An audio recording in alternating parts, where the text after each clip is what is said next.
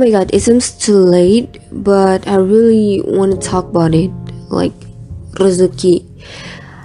Hmm, sebenarnya ini tanpa skrip, jadi gue akan ngomong secara gamblang aja tentang perasaan gue belakangan ini mengenai rezeki.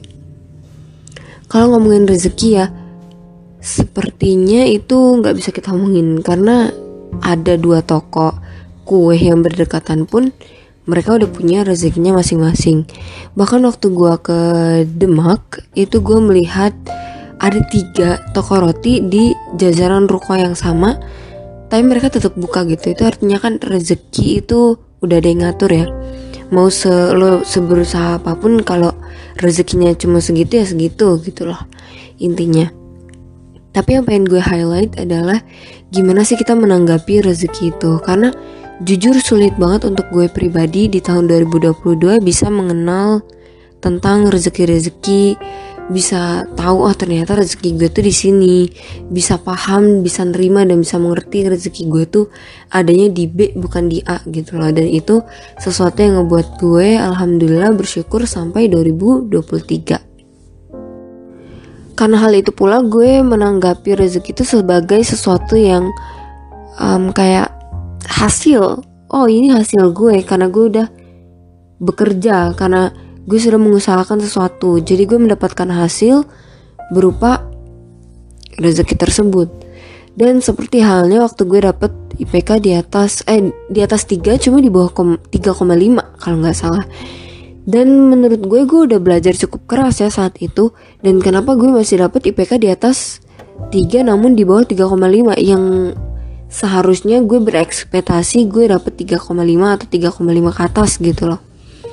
Tapi kalau misalnya gue memantau atau meng mengevaluasi kalimat atau statement gue yang tadi kalau misalnya rezeki itu datang dari hasil usaha kita ya berarti hasil IPK gue yang di bawah 3,5 itu adalah hasil usaha gue selama ini ya gak sih? Hasil usaha gue selama ini yang oh ternyata gue usahanya belum belum begitu keras nih untuk dapat IPK 3,5 atau di atas. Itu kan berarti sesuatu yang oh ya udah, berarti gue memang rezekinya segini karena usaha gue juga cuma segini gitu loh.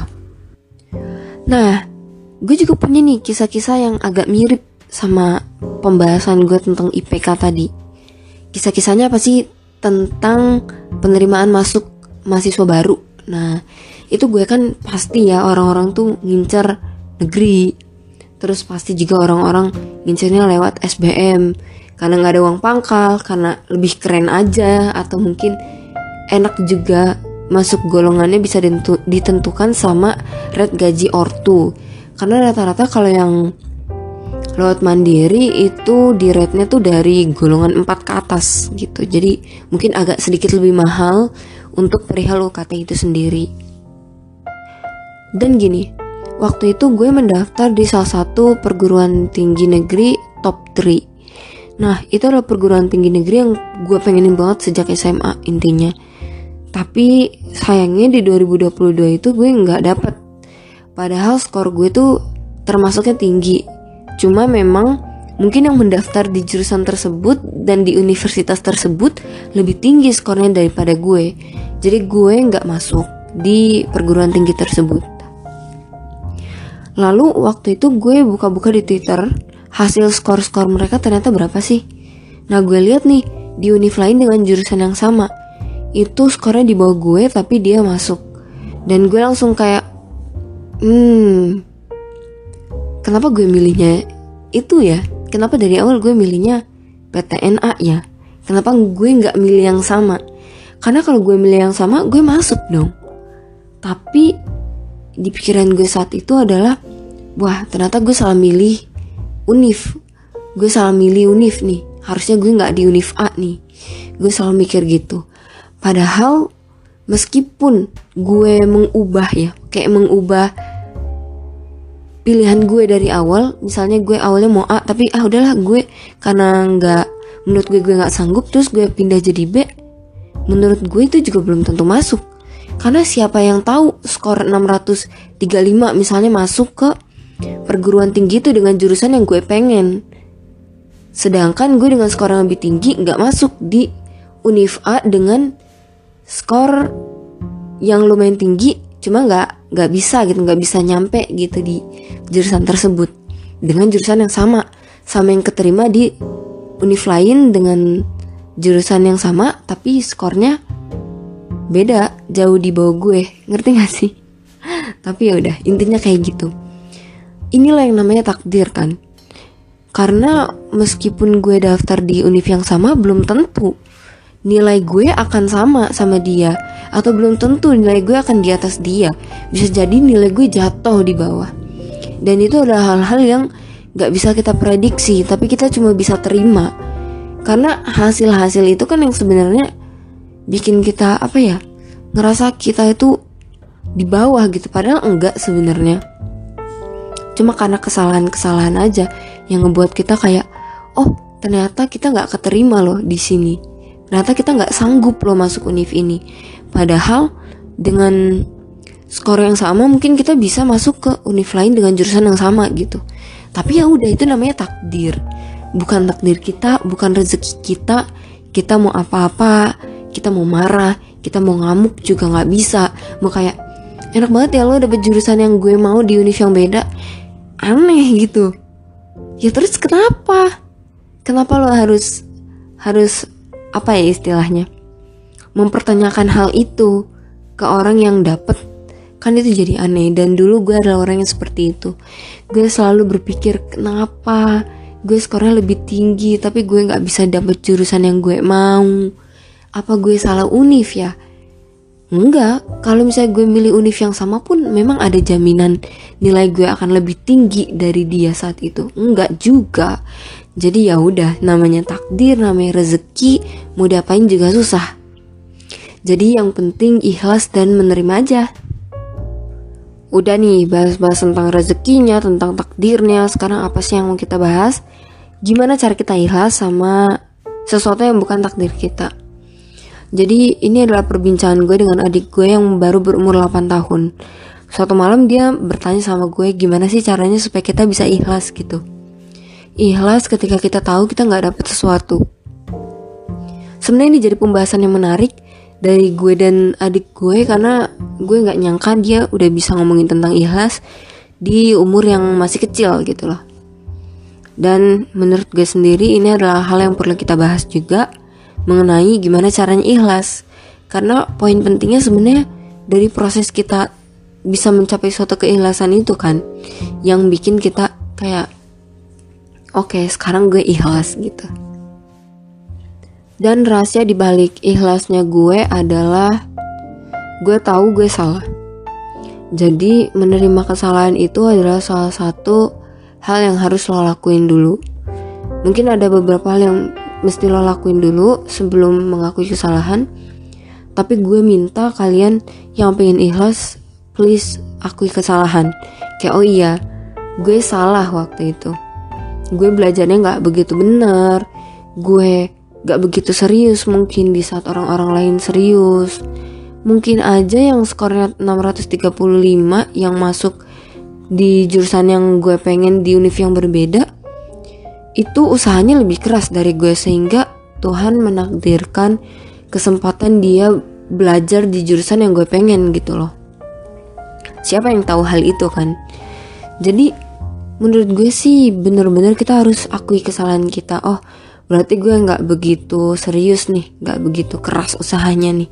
Di arena itu, di arena di mana kita mengharapkan hasil yang luar biasa, hasil yang kita pengenin gitu loh. Lalu setelah ikhlas gue pengen kalian kayak istilahnya tahu kalian mau ngapain. Karena nggak mungkin kayak ya udah gue salah diem satu tahun karena lo salah. No itu yang harus kalian cari tahu.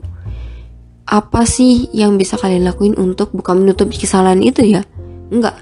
Kesalahan gak harus ditutupi tapi gimana caranya biar bisa apa ya membalas kesalahan tersebut dengan sesuatu yang baik yang mungkin bisa membawa kalian ke PTN yang kalian inginkan atau ke suatu instansi yang kalian inginkan yang which is jauh lebih sulit karena lo punya mental di mana mental lo udah pernah kalah gitu loh.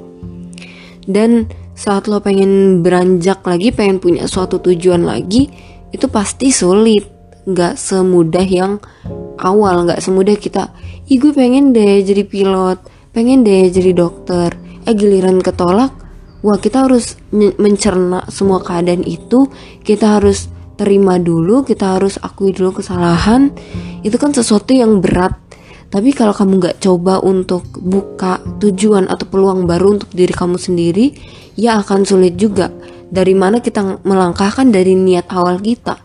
Jadi menurut gue setelah lo mengakui kesalahan lo apa, kayak sadar aja oh ternyata gue kurang usaha, ya udah lo langsung deh. Ternyata tujuan gue mau masih mau ke situ nih. Ya udah mulai, mulai dari kesalahan itu. Gak apa-apa karena dari kesalahan itu kan sebenarnya ada suatu segmen di mana kamu bisa mempelajari oh ternyata kemarin gue salahnya di sini. Ternyata ini yang bikin gue gagal. Ternyata nilai fisika gue tuh lebih rendah dari kimia. Berarti gue harus kejar di fisika dulu nih baru nanti review-review lagi di belakang. Itu kan sesuatu kesalahan yang bisa jadi pengalaman yang bisa jadi tolak ukur kalian untuk melangkah. Dan itu bagus menurut gue pribadi ya jadi jangan pernah memosisikan diri kalian tuh rendah banget. Karena yang jelas gimana pun juga kita mulai dari diri kita, kalah dari diri kita, dan niat lagi dari diri kita, mulai lagi dari diri kita, dan kata dan kalimat mulai lagi dari diri kita tuh sebenarnya harus kita resapi loh. Karena kalau misalnya kita udah kalah, mulainya mau dari mana lagi? Mau dari orang lain? Emang orang lain tahu selama ini perjuangan kamu, usaha kamu buat sampai dapetin di titik itu yang meskipun masih gagal gitu loh. Jadi yang mulai dari diri sendiri lagi. Mulai dari di mana sih kemarin lo gagalnya gitu loh. Gak perlu diambil pusing. Mulai aja. Mulai itu yang paling utama. Dan ke depan ke depannya lo bisa terus cari motivasi mungkin yang bisa membangkitkan semangat lo. Motivasi itu gak, gak cuma berupa kata-kata kok bisa berupa film, bisa berupa musik, lagi melakukan sesuatu sambil dengerin musik itu kan bisa jadi motivasi juga. Yang penting lo mulai dulu, lo niat dulu, nanti saat proses perjalanannya lo bisa ditemani motivasi-motivasi selingan bisa dari podcast, bisa dari musik, bisa dari film. Banyak sekali elemen-elemen yang bisa membantu lo untuk terus termotivasi gitu loh. Jadi segitulah pembahasan gue tentang rezeki. Wow, ini tanpa skrip. Jadi gue mohon kalau misalnya ada kalimat yang belibet, ya terima saja. Karena gue juga nggak ngerti sebenarnya kenapa gue kalau ngomong belibet.